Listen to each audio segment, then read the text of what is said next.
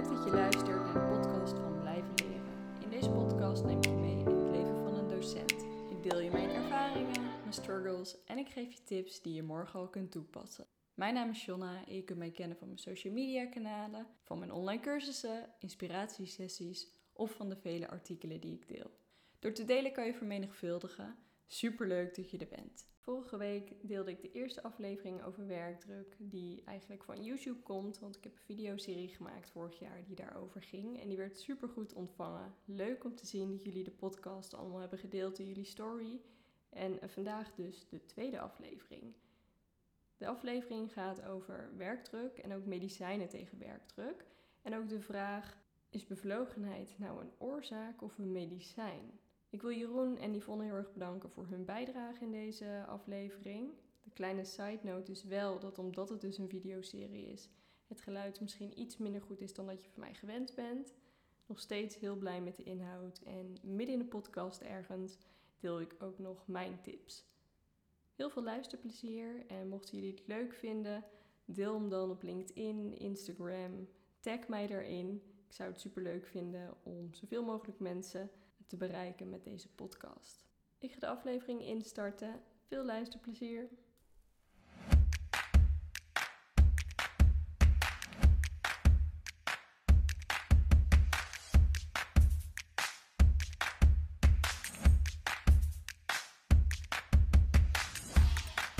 Ik zit weer eh, op school en ik ga zo meteen bellen met Jeroen van Begin met Beginnen. Het is al donker en dat past helemaal bij deze serie, want het is al kwart over vijf. En eigenlijk is de schoonmaker hier nog bezig, maar de meeste mensen zijn naar huis. Jeroen is dus van begin met beginnen en hij heeft wel ideeën over wat je kunt doen om te voorkomen dat je te druk krijgt. Dus hoe je binnen je eigen cirkel van invloed voor rust kunt zorgen. En dat leek mij een hele mooie aanvulling aan deze afleveringenreeks. Dus ik ga zo meteen met hem video bellen en even kijken hoe hij over dit onderwerp denkt. Jeroen heeft ideeën over wat je zelf kunt doen als je te veel werkdruk ervaart, maar ook wat er op organisatieniveau moet plaatsvinden. Ons gesprek knip ik dus in tweeën en een deel daarvan komt ook in aflevering 3 aan bod. Als je kijkt naar de rol van basisleerkracht, basisschoolleerkracht, nou, er zijn een aantal competenties die zijn helemaal uiteengezet. Ja. Nou, dat, is, dat is je basisrol als leerkracht. Nou, als je op een gegeven moment een wat senior bent, dan horen er andere taken bij, uh, Ja. mentorschap of coachschap of uh, sommige een bouwcoördinator, bla bla. Nou, dat, dat doe je bij je rol. Ehm, omdat ik zelf nieuwsgierig aangelegd ben, uh, zat ik op een gegeven moment in heel veel commissies, omdat ik het gewoon ook interessant vind. Maar toen dacht ik van ja, wacht even, het past op dit moment niet bij mijn rol in mijn huidige staat van zijn, dus ga ik schrappen. Uh, Uit de MR, uit de GMR, uit dat, en zus, zo, bla bla bla. En als je dat niet deed, dan voelde je dus werkdruk. En dat resulteerde dan in dat je dat gedrag ging laten zien. Juist, zoals, eh, Ja. Dus het zou eigenlijk wel eh, ook weer een mooie oproep kunnen zijn naar mensen van... hey, hoe ken jij jezelf en hoe eh, gedraag jij je lately? En eh, merk je dat je bijvoorbeeld in je valkuilen eh, stapt? Of weet je wel, de dingen die je liever niet wil hebben, maar waar je altijd in gaat als je moe bent? En waar zou hem dat dan in zitten? Wie ben ik als mens? Wat zijn mijn waarden? En wil ik eigenlijk wel vanuit mijn leerkrachtenrol op deze manier mijn tijd en mijn lessen gaan invullen? Ja. Die andere randzaken die bij mijn takenpakket horen. Kijk, ik zeg ook, hè, ik wil niet zeggen dat ik zo zwart-wit ben. Dat als er een bepaalde noodzaak is, dan, dan ga ik er zeker ook wel echt voor. Alleen in de basis baken ik zelf heel erg mijn grenzen af. Ja. Je gaat eerst kijken naar jezelf, net zoals in een vliegtuig, ga je eerst zelf je zuurstofmasker opdoen. Dat is wat er in overlevingsfases ook gebeurt, gebeurt weet je. Als we, blijven, we kunnen maar door blijven denderen als leerkracht. Zou jij zeggen eh, leraar centraal in plaats van leerling centraal? Oh, ja, ik- ja ik, ik word soms voor gek verklaard. Ja, ik geloof van wel. Want als jij, ik de leraar, niet stabiel genoeg bent in je zijn ook, hè, want het is eigenlijk de mens centraal. eh, je rol als leerkracht daaromheen, nou daar heb je voor geleerd en daar ben je mee bezig. En vanuit daar ga je in, eh, in verbinding met de relatie naar de, naar de leerlingen. Ja. En daar heb je een heel pedagogisch arsenaal aan, aan ervaring en cursussen en trainingen. Die horen bij je rol als leerkracht. En dan pas kan je eigenlijk lesgeven. Denk aan de, eh, toen ik op Pabo deed, eh hadden het slag een cirkel van basisontwikkeling bij kleuters. En in die cirkel stond vertrouwen, eh, emotioneel vrij zijn en nieuwsgierigheid. Nou, als jij dat al niet hebt als leerkracht, hoe kan je dat dan uit, als normzender kan je dat uiten naar de leerlingen? Ja, ik was heel eventjes mijn tegeltje erbij aan te pakken. Jij zorgt ervoor dat er te veel spanning op de snaar staat. En dan knapt hij. En dan knapt hij. Of gaat hij heel vals klinken. Of gaat heel vals klinken. En dan moet je hem stemmen en dat doe je door regie te pakken en dan pas kan je weer verder. Ik gun gewoon de collega's, eh, inclusief maar eigenlijk alle leerkrachten, maar ook gewoon de mens zelf. Kijk eerst eens naar jezelf en naar je eigen handelen en daar je regie op. Wat je net al zei, cirkel van invloed. Waar heb je wel of niet invloed op? En elimineer zoveel mogelijk dingen waar je geen invloed op hebt. Of accepteer hem en niet over. Ik kan uren met Jeroen spreken over het onderwijs. Grappen, grollen, maar ook de serieuze dingen. En het belangrijkste wat ik geleerd heb van zijn verhaal is de cirkel van invloed. En ik ga nu een aantal tips delen binnen mijn cirkel van invloed, die jou misschien ook kunnen helpen bij werkdruk. Er wordt mij best wel vaak gevraagd: uh, hoe komt het eigenlijk dat je al die ballen in de lucht weet te houden? En op welke manier zorg je eigenlijk dat je alles inplant? Um, dus het leek me mooi om ook in deze serie wat tips te geven die mij heel erg helpen als het gaat om werkdruk. En ik denk um, dat uh, plezier voelen heel belangrijk is. Ik probeer altijd te kijken naar waar krijg ik energie van. Wat zijn de dingen die, bij me, die mij belemmeren? En ehm, ja, wat kan ik daaraan doen? Um, moet ik zelf andere keuzes maken? Moet ik dingen vooral niet gaan doen, omdat die mij bijvoorbeeld een vervelend gevoel geven? Kan ik er met collega's of met mijn leidinggevende over in gesprek? Dus dat zijn echt wel dingen die ik heel erg doe. Ja, om te zorgen dat ik me gewoon goed blijf uh, voelen. Uiteraard is voor mij time management heel belangrijk. Ik ben uh, best wel energiek, maar ik heb ook veel rust nodig. Ik slaap bijvoorbeeld best wel lang en ik um, kan heel erg gefocust werken. Maar het kan ook zijn dat er helemaal niks uit mijn vingers komt. Ik heb mezelf goed leren kennen de afgelopen tijd. En dat betekent dat ik heel goed weet op welke momenten ik goed kan werken, op welke momenten ik scherp ben, welke momenten ik beter wat tussendoor dingetjes uh, kan doen. En op die manier uh, plan ik ook mijn week in. Dus op de maandag uh, sta ik vroeg op. Dat is sowieso een tip trouwens. Zorg dat je dag gewoon letterlijk extra uren heeft als je veel moet doen. Um, soms een beetje tegenstrijdig met het slapen. Maar goed, je merkt vanzelf wanneer je even dat uurtje extra zou moeten pakken. Maar als je dan wat extra uren in die dag hebt, dan heb je en wat meer tijd om tussendoor te lummelen. Um, waardoor je ook wat beter tussendoor uitrust.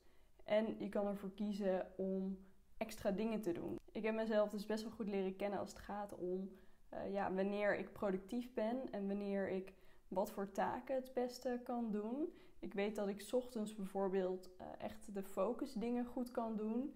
En dat ik s'avonds wat meer uh, creatief ben of wat meer de, ja, de losse tussendoor dingetjes kan oppakken. Dat betekent dat ik ten eerste zorg dat mijn ochtend vrij lang is. Want in die ochtend ben ik productief, dus die wil ik graag gebruiken. Tuurlijk, als ik moe ben, dan blijf ik echt wel een uurtje langer liggen. Maar ook op de dagen dat ik niet uh, naar school hoef, zorg ik dat ik gewoon echt om 7 uur ongeveer uh, dat ik naast mijn bed sta. Dat ik meteen ga douchen, dat ik meteen in de aanstand uh, kom, zodat ik die ochtend goed kan benutten. Daarnaast werk ik heel duidelijk met to-do-list. Ik schrijf op wat ik op een dag wil doen en als ik veel moet doen, dan baken ik ook de tijd af. Dus dan besluit ik ook, zo lang wil ik aan die tijd uh, of aan die taak werken. En als het niet lukt, dan gaat het dus naar de volgende keer. In mijn Outlook-agenda blokkeer ik uh, momenten waarop ik bureautijd wil gebruiken. Dus dan weet ik, ik sta dan niet in de lessen. Dat wordt mijn bureautijd. En dan zet ik ook meteen in de notities een soort to-do-list met wat ik allemaal moet doen. Wat dan niet gelukt is, zet ik meteen in het volgende blokje dat ik heb in de week uh, voor bureautijd. En op die manier hoef ik niet na te denken als ik gewoon aan de slag ga met wat moet ik doen. Want mijn lijstje zit er al en de tijd is al uh, gereserveerd. Ik vind het heel erg belangrijk om te kijken naar wat me energie geeft, wat echt moet gebeuren. En daar focus ik me als eerst op. En de dingen die eigenlijk extra zijn, zijn ook de eerste dingen die ik laat zitten. En daarvoor moet je jezelf dus best wel goed kennen. Dat je goed weet, dit is waar ik voor sta, dit is wat ik moet doen. Dit is op welke momenten ik dat het beste kan doen. En dat helpt al heel erg om um, ja, wat, wat minder tijd te verliezen in het werken überhaupt. Omdat je gewoon wat efficiënter en effectiever kan werken. Ik denk dat dit een beetje de basis is van hoe ik het aanpak. En er zijn heel veel manieren en waarschijnlijk ook nog wel heel veel andere dingen die ik ook doe. Wat ik denk ik het belangrijkste vind, is dat je gewoon goed naar jezelf blijft kijken. Dat je eerlijk bent. En dat als het even niet goed gaat en als het niet goed voelt, als je te druk bent, uh, dat je daar ook wat mee doet. En dat betekent soms dat ik dingen gewoon even niet doe. Of dat ik uh, met mensen in gesprek moet gaan. Of dat ik dingen efficiënter moet regelen. En als ik niet weet hoe ik dat kan doen, dan vraag ik daar hulp bij. Als je in ieder geval die houding blijft aannemen, dat helpt wel. Ik heb deze serie ook aangegrepen om mezelf een beetje bij te scholen. Ik heb veel met andere mensen gesproken en ik heb gelezen. En daar neem ik jullie graag in mee. Ik ben nu een um, afstudeeronderzoek aan het lezen van iemand die aan de Erasmus Universiteit is afgestudeerd op um, het onderwerp werkdruk. En de ondertitel daarvan is Bevlogenheid, medicijn of oorzaak. Het is door Maarten Pachter is het uh, onderzoek gedaan. En ik vind het wel ontzettend interessant. Zijn inleiding spreekt me ook heel erg aan. Hij haalt ook in de samenvatting en uiteraard gewoon in de rest van zijn onderzoek ook uh, dat intensificatie aan, wat ik in de vorige aflevering ook even benoemde. Waarom vind ik het zo interessant? Ja, um, ik liet het in de intro zien van deze aflevering en ook in de allereerste intro, of het allereerste intro van deze serie. Ik ben best wel bevlogen en uh, heel veel leraren met mij zijn bevlogen.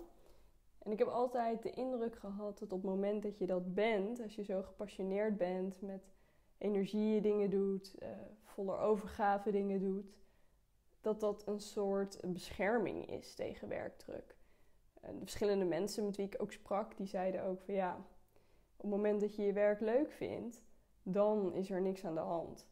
Um, op het moment dat er dan, als je het niet meer leuk gaat vinden of zo, uh, dan wordt het wel weer gevaarlijk. Maar ja, in principe die bevlogenheid, die beschermt je eigenlijk. Ik heb wel eens vaker, voornamelijk van leidinggevenden teruggekregen en ook van mensen die echt dicht bij mij staan.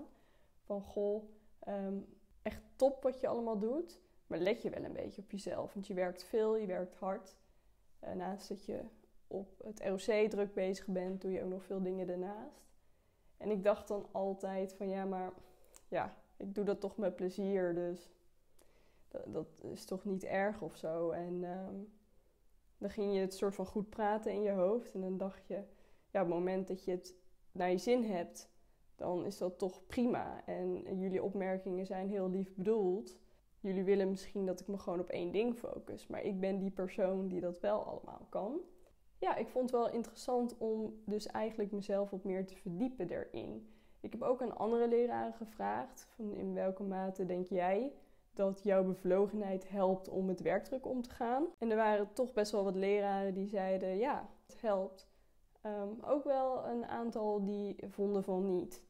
En daar gaven ze eigenlijk verschillende redenen voor. Door mijn bevlogenheid heb ik enorm veel plezier in mijn werk, maar het is daardoor ook meteen mijn grootste valkuil wanneer je bevlogen bent en heel graag iets doet, dat is dan nooit een probleem. Alleen wanneer je iets moet doen wat je niet leuk vindt, dan wordt het wel een probleem.